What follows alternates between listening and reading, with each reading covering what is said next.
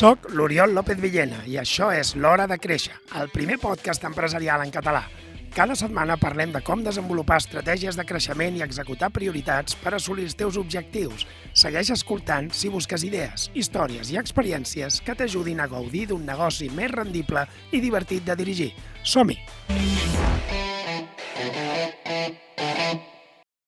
Hola, benvinguts a l'Hora de Créixer de nou a aquest primer episodi de la quarta temporada en què parlarem d'estratègia.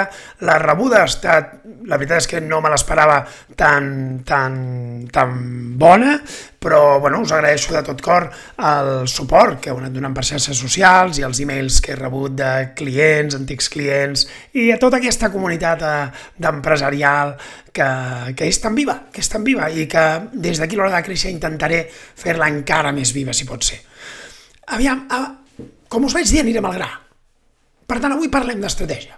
I us parlaré d'un exemple. Heu tingut mal la sensació que l'empresa va una mica per inèrcia? És a dir, tens uns bons clients, tens un bon producte, vas fent, vas recollint comandes, però no acabes de trobar que, que l'empresa que l'empresa hi manis tu, no sé com dir-ho, d'acord? Sinó que vas creixent, i vas fent fins i tot creixent, eh? Vull dir, no, no necessàriament ha de ser estem perdent, sinó que anem per inèrcia. Són el que jo en dic recollidores de comandes.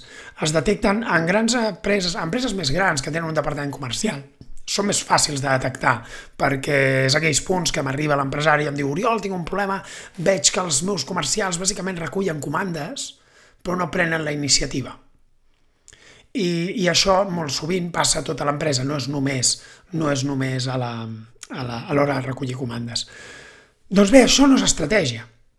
La inèrcia pot ser supervivència, però no és estratègia. Perquè, a més, créixer per inèrcia té un risc. A les empreses bones també els hi passen coses dolentes. És així.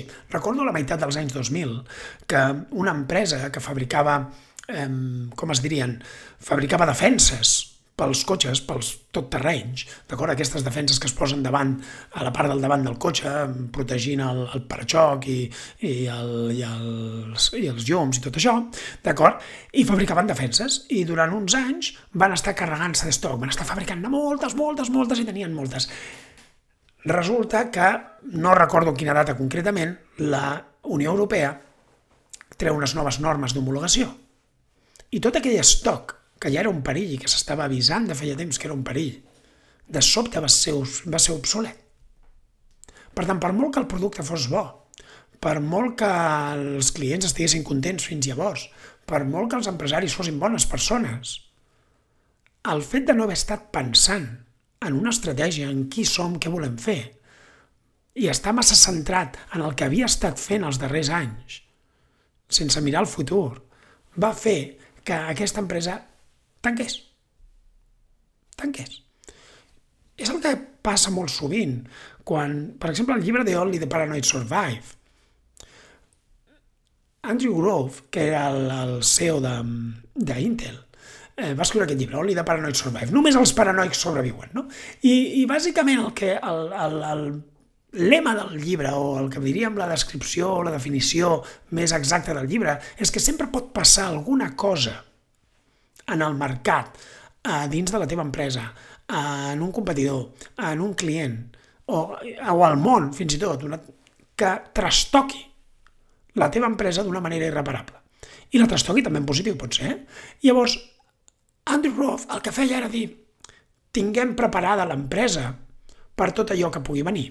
Siguem paranoics. Què pot aparèixer? Pot aparèixer una nova tecnologia que s'ho carregui tot? Pot aparèixer un coronavirus? I això vol dir tenir l'empresa amb una idea molt clara del que vol aconseguir en un futur. Quins resultats vol crear en els clients, més que què estic fent ara mateix. I la segona cosa és tenir l'empresa molt preparada per ser flexible. I malgrat que no us sembli, l'estratègia, tenir una estratègia ben definida, ens permet ser molt flexibles. Ens permet identificar ràpidament oportunitats. Són bones, són dolentes, són molt bones, el, qualsevol oportunitat. Ens permet prendre decisions amb agilitat sense estar-nos preguntant tota l'estona reinventant la roda. I ens permet, a més, aprofitar i, i, i disminuir el cost més important de l'empresa, que no són els salaris, no és la maquinària, no és l'assessor, no és el telèfon.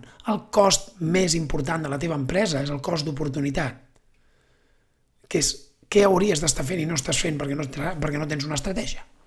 Per tant, pensa-ho bé. Què passaria a la teva empresa i a tu mateix si demà un dels teus primer, principals clients marxés o un competidor presentés un producte revolucionari o els preus del teu sector caiguessin de cop, per algun motiu, què passaria? Quan no tens cara a l'estratègia, el que passa sovint és que l'empresa pateix un sotrac. Fins i tot en circumstàncies bones. Mireu, durant el coronavirus, durant tota aquesta pandèmia que, que, que hem viscut, hi va haver alguns sectors que van sortir-ne amb més feina. Per exemple, assessories fiscals, assessories laborals, van sortint amb molta més feina. Tenien molta més feina durant els moments més complicats i encara la, i, i després, eh?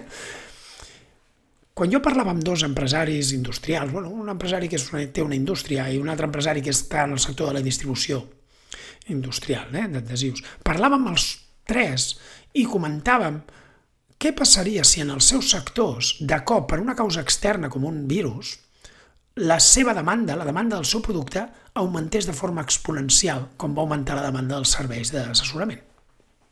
D'assessorament fiscal, d'assessorament laboral, degut als ERTOs, degut a tots els canvis de normativa. I tots dos em van dir el mateix. Invertiríem. Invertiríem. Tenim clar què volem aconseguir i aprofitaríem que tenim una demanda creixent eh, i tenim la idea clara què volem Bé, molts despatxos no han aprofitat això. De fet, m'atreviria a dir que la majoria. I em sap greu perquè vinc d'aquest món. I quan ho veig em fa patir. Però això és conseqüència de no tenir una idea clara, una estratègia clara. Jo conec despatxos, amb els que he treballat i amb altres que no he treballat, que tenien una idea clara, una estratègia clara del que volien aconseguir pels seus clients i quan ha arribat una situació d'aquest tipus n'han tret profit, però no n'han tret profit per aprofitar-se'n de manera negativa, perquè els clients estan allà i ja que tenen problemes, doncs, els, doncs llavors ens en traiem, ens n'aprofitem, traient-los als calés. No, no, els hem aportat valor. Assessors que han ajudat els seus clients a reduir costos, però òbviament cobrant uns honoraris per fer-ho. És un exemple. D'acord? Assessors que han aprofitat per, per replantejar-se el seu, el seu mercat, el seu perfil de clients és una mica el que qualsevol empresa hauria de fer quan té una visió clara i compartida que lliga les activitats a curt termini amb les activitats a llarg termini, o amb els objectius a llarg termini, més que amb les activitats. I això per què és important? És important perquè hi ha dues maneres de fer funcionar l'empresa. Una és, imaginem un, un, una diana, no? uns cercles concèntrics, i imaginem que al centre està l'estratègia. Perquè una empresa funcioni necessites una estratègia necessites una cultura. D'acord? Una cultura. Una cultura, una mentalitat, digue-li com vulguis, una cultura. El tercer cercle necessites una tècnica, necessites tenir coneixements, necessites eh, tenir la maquinària necessària, necessites tenir la gent adequada per, per dur a terme allò. Necessites tècnica. I per últim necessites tàctica, necessites poder-te moure amb agilitat i prendre decisions sobre la marxa.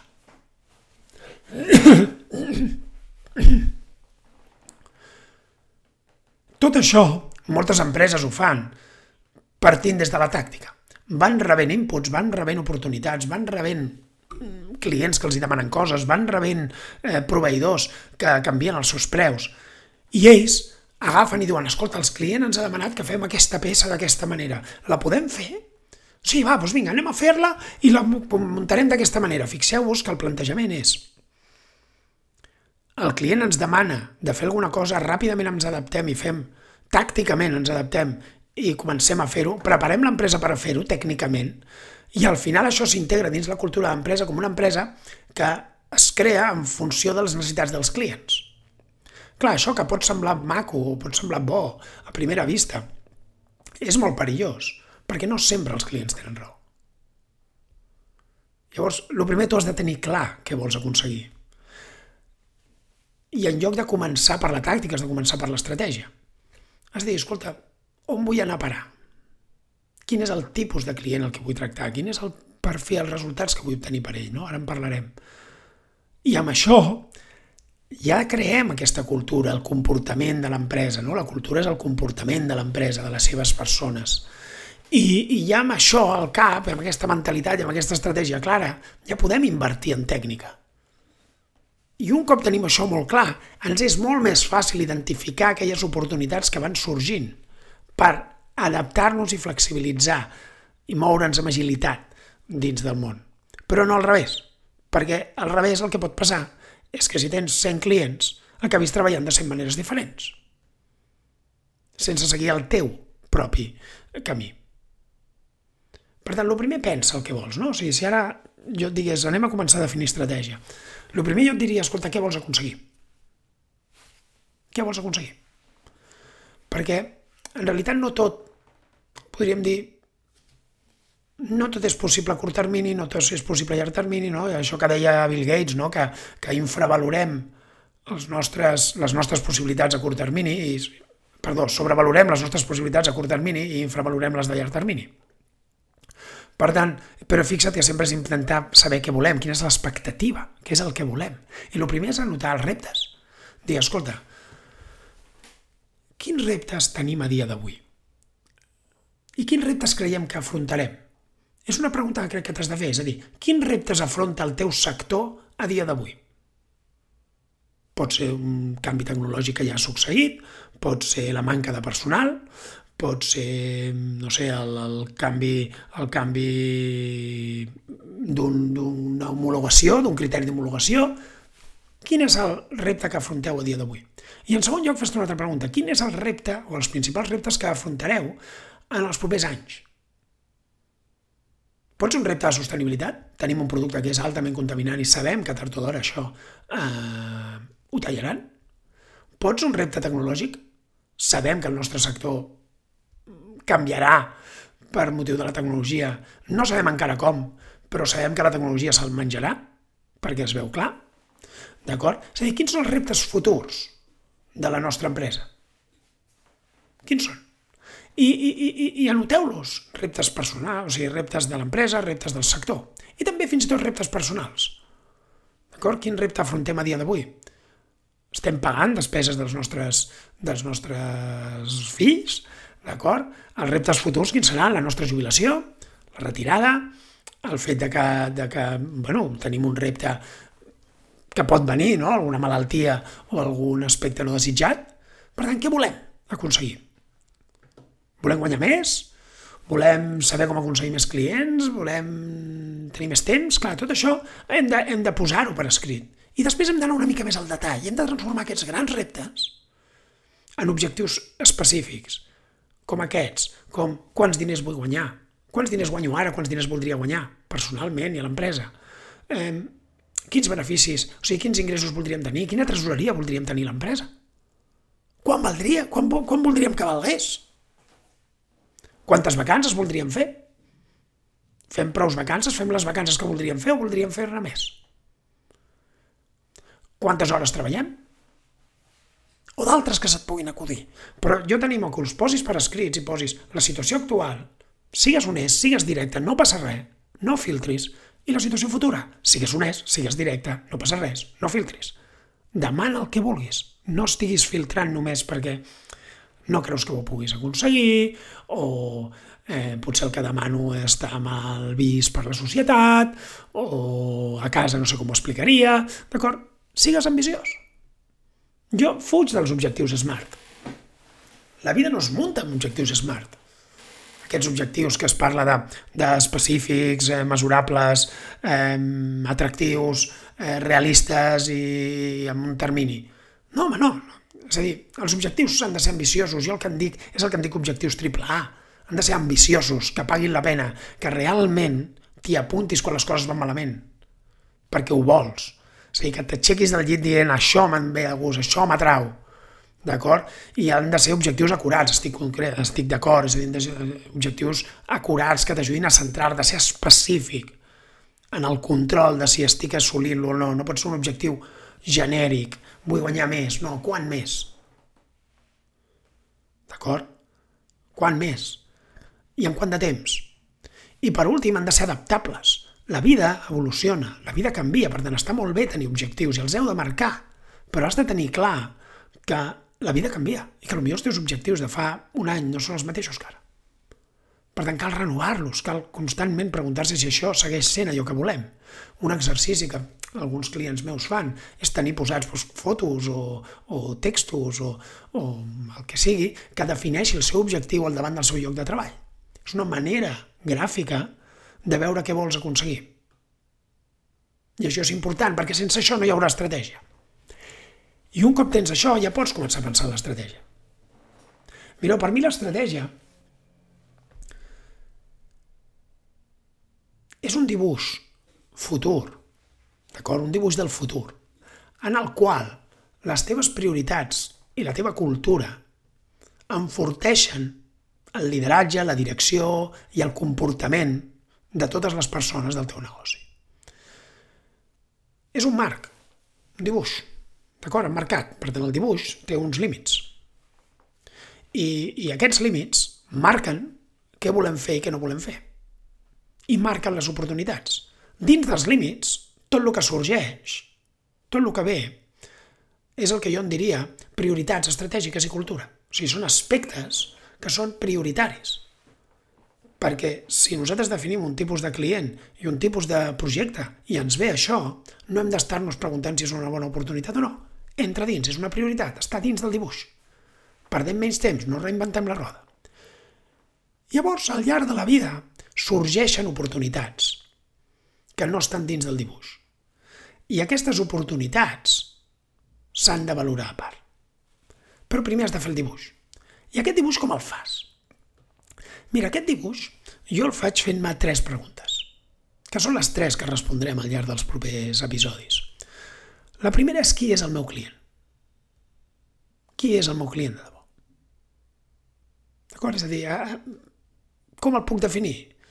com és ell, com, d'acord, que, que és una empresa, és un particular, és una empresa d'un tamany concret, d'un sector concret, o no, o és general, és d'un territori, és de tot el món. De... Qui és el meu client? La segona pregunta que em faria és què aconsegueix amb mi? Quin és el resultat? Perquè no, no, l'estratègia no tracta de tu, de lo bo que ets i de les fantàstiques que fas les coses. L'estratègia et parla del teu client. I per tant has de pensar en quins són els resultats. Quins són els resultats que crees al teu entorn, al teu voltant, i sobretot en el teu client. Resultats tangibles. No el meu client aconsegueix eh, una tassa. No. Què aconsegueix amb la tassa? Un moment de tranquil·litat? Un, un, el poder gaudir d'un bon producte, d'un bon cafè, d'una bona infusió, què aconsegueix amb aquella tassa? I la tercera cosa és com vols que et reconeguin. Com, com, com ho fem tot això? Com fem diners? Què ens mou? Què volem que el nostre client valori de nosaltres? Són tres preguntes, tres preguntes molt simples. D'acord? Però tres preguntes que t'ajudaran a crear aquest marc. Perquè és aquest marc el que marca valgui la redundància. És el que marca, aquest marc, el que ens permet, aquest dibuix, el que ens permet saber quan arriba alguna cosa que és. Mireu, jo recordo un, un empresari que fabrica rodets tèxtils, rodets sobre els quals s'enrotlla el, el teixit, el filament, d'acord? El fil, tic, tic, tic, es va enrotllant allà. Bé, ell el que va veure és que al fer aquests rodets va sorgir una oportunitat de fer el mateix rodet o rodets similars, però utilitzar-los com a mobiliari urbà. Al final, el producte és el mateix, utilitzen la mateixa matèria prima i la manera de fer-los molt semblant. Per tant, quan un té una estratègia clara, té un dibuix, el que té clar és dir, escolta, nosaltres ajudem els nostres clients a aconseguir utilitzar, que utilitzant els nostres rodets els seus productes o serveis siguin més eficients, puguin guardar més fil eh, per, no sé com dir-ho, per metre quadrat, o puguin, eh, hi ha menys pes, o puguin evitar accidents en un carrer. Quan tu et fas aquesta pregunta i veus una oportunitat, pots començar a pensar si és interessant o no, perquè tens clar què vols aconseguir. La diferència entre Netflix i Blockbuster, per exemple, és que Netflix tenia clar, jo crec, eh, no, no he entrat als seus, als seus caps ni he vist els seus plans, però tenia clar que servia entreteniment a casa. Això és el que fa Netflix. Serveix entreteniment a casa. En canvi, Blockbuster, el seu, podríem dir, la seva estratègia era bàsicament posar cintes de vídeo llogar cintes de vídeo locals. Clar, en el moment en què la cosa ha anat canviant, en què el món va anar canviant, un va quedar obsolet, l'altre no, perquè és igual enviar cintes de vídeo per missatger que tenir-les eh, per streaming. El mateix amb el client. Va tenir clara una idea. Quina és la idea que vull tenir? I em va arribar una oportunitat nova. I aquesta oportunitat nova la va passar per un qüestionari. I aquest qüestionari és el següent. És interessant? el que, aquesta oportunitat. O sigui, aquesta és la primera. És a dir, és interessant. O sigui, és una oportunitat que dins del nostre vull dir que econòmicament o per experiència acumulada que podem guanyar o per a nivell comercial, per imatge, per motiu que sigui, és, és prou interessant. Si és que no, no, va, no paga la pena. I cal dir que no, clarament. No paga la pena. I ja està. Se'ls diu que no, i si coneguem, coneixem algú que sí que li pot fer, doncs el, el recomanem. Però si és interessant, llavors ens hem de fer una segona pregunta. És escalable? És escalable sí o no? Si no és escalable, però és interessant, pot ser un negoci esporàdic, per tant no canviarem l'estratègia de l'empresa, no invertirem en coses que seran per tota la vida. Farem o no farem aquest negoci esporàdicament, si creiem que és una gran oportunitat o simplement és bona i ja està, però eh, no incorporarem dins la cultura i dins l'estratègia de l'empresa. No ampliarem el dibuix, per fer-ho molt gràfic. Però, en canvi, si creiem que és escalable, és interessant i és escalable, llavors el que podem fer és ampliar el dibuix. I el dibuix passa a tenir una prioritat estratègica nova, que a partir d'ara, quan arribin, ja no, ja no les haurem d'avaluar. No haurem de reinventar la roda, perquè estarà allà. I amb això al cap, ja pots posar-te a treballar. Pots posar-te a treballar en el que és l'empresa i com funciona.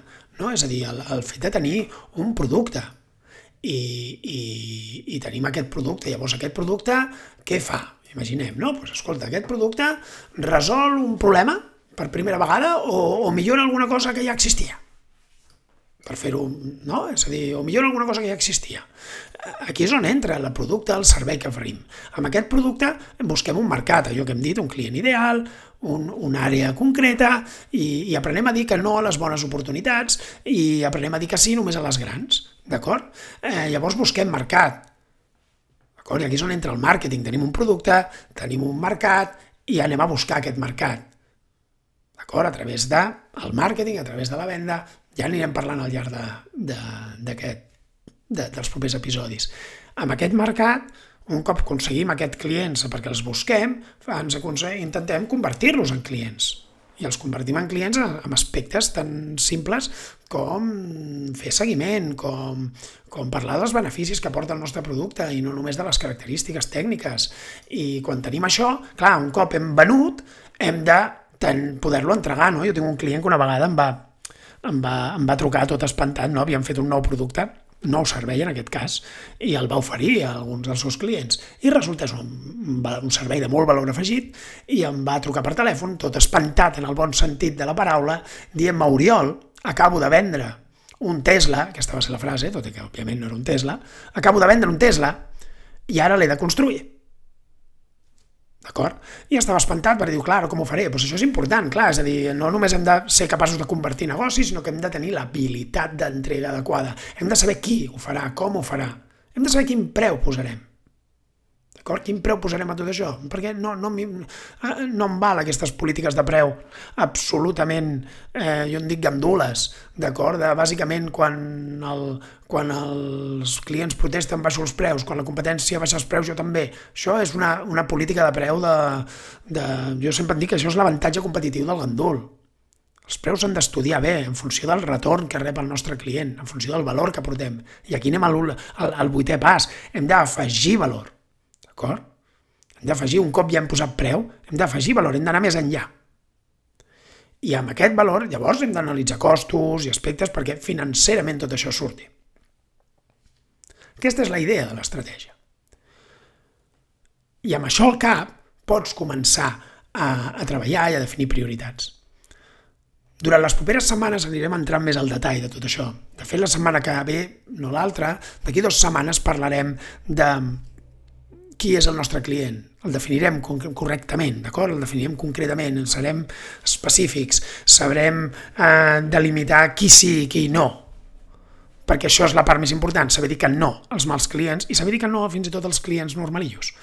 Vale? Per tant, parlarem de qui és el client. Mentrestant, si vols, pots descarregar-te el qüestionari de tota aquesta primera temporada. He preparat un qüestionari que el podràs trobar a la meva pàgina web, oriolopez.com barra podcast, episodi 1, i allà podràs trobar eh, preguntes que et permetran anar definint la teva estratègia. D'acord? Serà un qüestionari que, que pots anar allargant i que si en algun moment donat vols que et doni un cop de mà o vols que el comentem, només m'ho has de comentar, m'ho has d'explicar. D'acord? Fins llavors, Eh, estaré encantat que m'envieu preguntes a oriol.oriolopez.com, que puguem respondre a través de, de la secció a la primera pedra rac i ens veurem la setmana que ve per parlar del client ideal.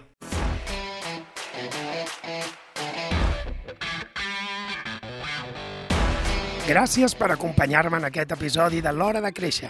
Si t'ha agradat, ja saps què has de fer escriu una ressenya, comparteix-ho amb algú i uneix-te a la comunitat de les empreses proactives. Gràcies per escoltar-me i recorda, l'acció és qüestió de prioritats.